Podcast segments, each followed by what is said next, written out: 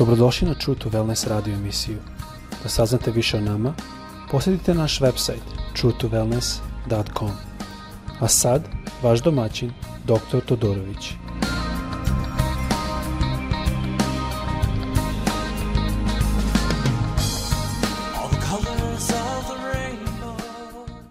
Ljubazni, pozdravljam vas danas, dobrodošli na naš podcast. Nadam se da ste blagoslovljeni, da ako odete u jednom e, stanju da ste veseli i radosni i mislim kao hrišćani da mi zaista imamo puno čemu da se radujemo i kao hrišćani imamo puno čemu da smo jedan primer.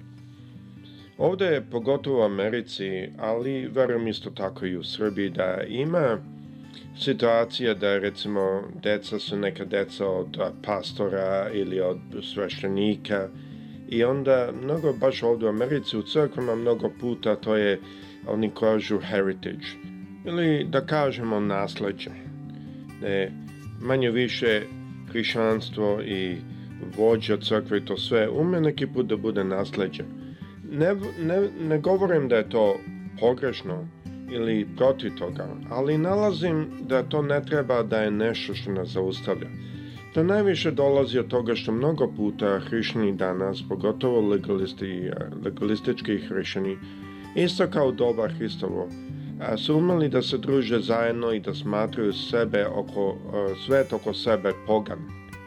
A to u stvari nije kako Isus želi to.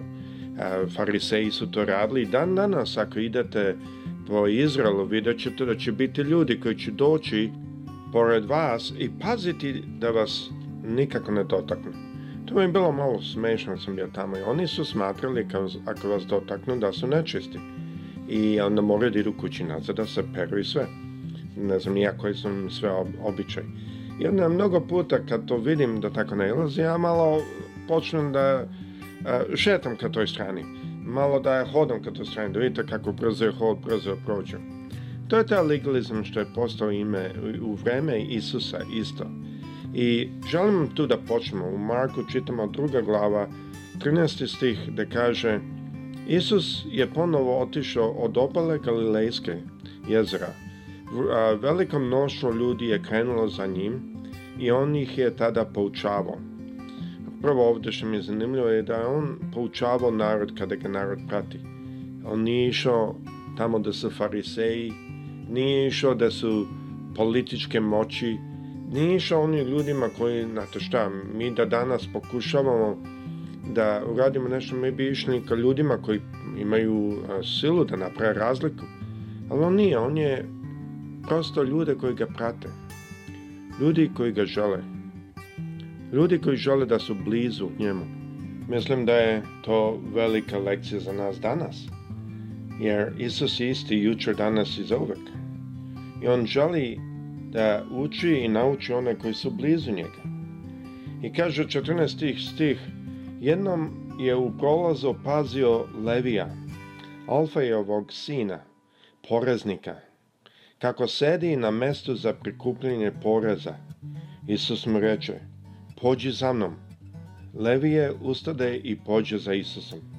Malo sam vam govorio o izraelskom narodu kako je bilo u to doba i da, da, dan danas, kako oni koji su sveti, koji su blizu Boga, kako oni ne vole da se mešaju sa onima koji su vani, znate, onima koji nisu dovoljno čisti.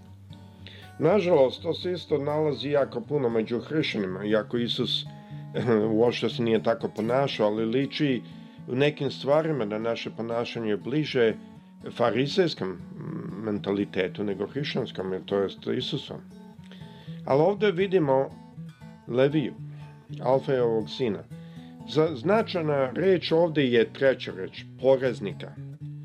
E sada, kao što su fariseji bili poštovani i držani kao to su ljudi koji znaju Boga, tako isto su bili poreznici, bili prezirani i držani manje više u istoj kategoriji kao grešnici, prostitutki i tako dalje.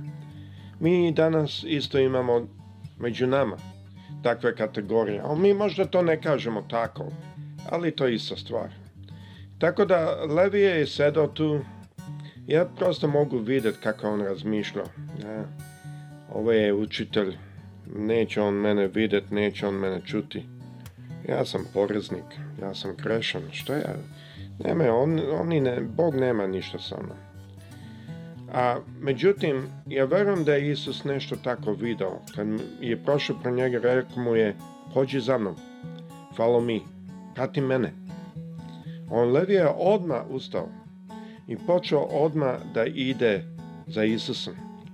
A Saduceji i Fariseji, ako gledate u 16. stihu, kaže ovako – Neki od znalaca svetog pisma koji su bili fariseji, videvši da Isus obeduje sa grešnicima i poreznicima, vidite, to su te dve grupe najniže, da kažemo, upitaše njegove učenike, zar on jede sa grešnicima i poreznicima?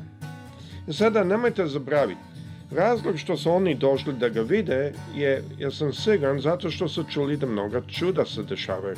Mnogi ljudi su o, bili ozdravili, mnogi ljudi dolaze kući oslobođeni, oni koji su bili vezani zlim duhovima su slobodni.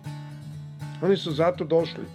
Sve što su oni videli da on jede sa grešnicima i poreznicima. A e sad pogledajmo što Isus ovdje kaže.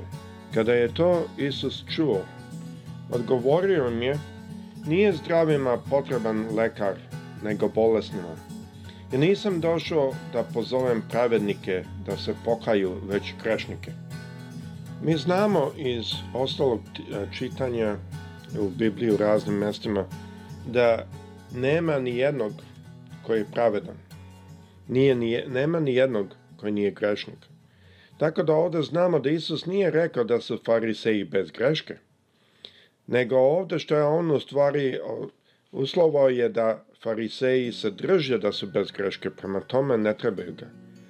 I to je jako zanimljivo jer mnogo puta mi isto imamo u našim crkvama ljude koji se drže da su bez greške, da su sveti, da su bolji nego oni vani, znate. I može lako da dođemo na taj stepen da ova reč nama pripada što Isus rekao. Nije zdravima potreban lekar, nego bolesnima. Ja nisam došao da pozovem pravednike da se pokaju već grešnike. A, a mi znamo da pravednici ne hodaju po zemlji. I isto znamo da kada mi se obratimo, mi smo pravednici po e, svojim statusu, ali ne zato što smo sada sveti. Sa te strane mi smo grešni koji su poznali Hrista. Ali mi smo pravedni zato što njegova slika sada hoda ispred nje, nas, njegova krv nas očišćava. To ne znači da sad mi živimo sveto. Ali mi trebamo, što smo bliži njemu, to će naš život više to pokazivati. Tako da oni koji misle da ja mogu sad da se obratim i da radim što hoću, sorry, to ne radi tako. Ali isto tako moramo znati da koliko god mi želimo i da koliko god mi se trudimo razumite ovu jednu stvar, dok smo mi na zemlji, mi ćemo greške praviti.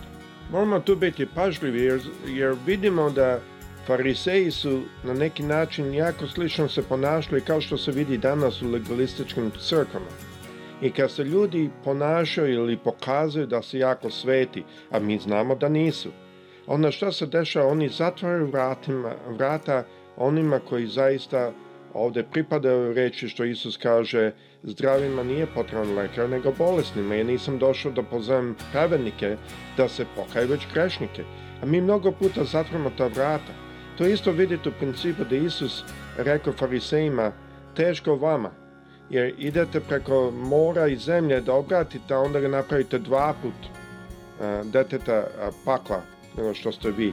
Na drugom mestu kaže, niti ulazite vi, a ne date drugima da uđu. To što ne daju drugima da uđu, to se odnosi na taj zakon, na taj legalizam. Mi ovdje to vidimo često u kanadskim i američkim crkvama, da ljudi idu u crkvu, ali vidite da u stvari nemaju potrebu za Boga. To je navika, to je nešto što radimo, navikli smo to I dalje dobro ići u crkve, možda će čuti reč, reč Božju, pogotovo ako se propoveda reč Božju u toj crkvi. Ali stvar je da mnogi idu u crkve, a u stvari nemaju potrebu za Boga.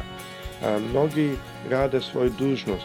Dobro, idemo jutro u crkvu, to je što trebam da radim u nedlju ujutru i možda u sredu uveče, a onda me ne badri, nemojmo uznemiravati.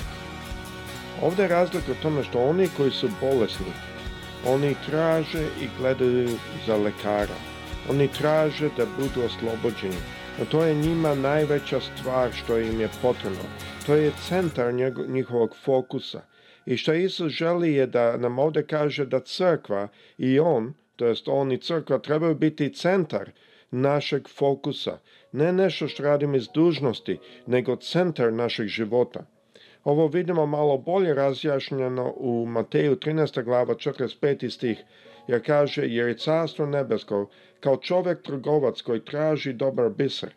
Pa kad nađe jedno mnogo ceno zrno bisera, otide i prodade sve što imaše i kupi ga. U ovoj priči vidimo da taj čovjek je prepoznao vrednost ovog bisera. To se čisto vidi u priči. Tako verujem da isto mi danas moramo da prepoznamo vrednost Boga, vere, Isusovog dara, što On radi i što nam dao. Mi moramo to prepoznat.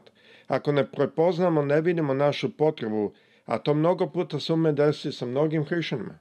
Ja sam vidio situaciju da se hrišćani obrate, pa jedno 5-6 meseci sve je ono u vatre, a posle polako to postane jedna tradicija.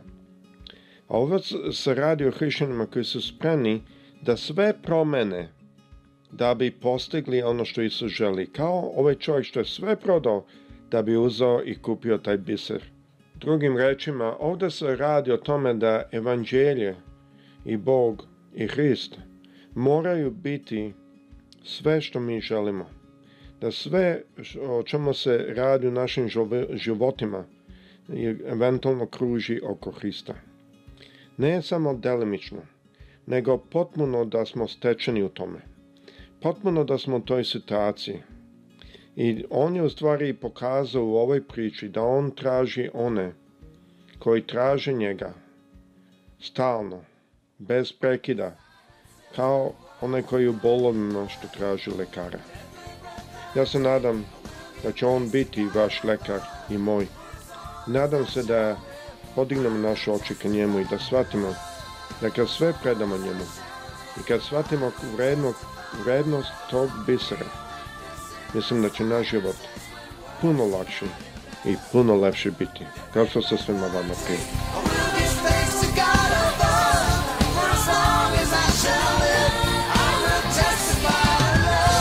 Slušajte True to Wellness radio emisiju. Pridružite nam se ponovo svaki utorak, četvrtak i subotu. Za kontakt molimo posjetite naš website truetowellness.com. Naša email adresa je info at truetowellness.com.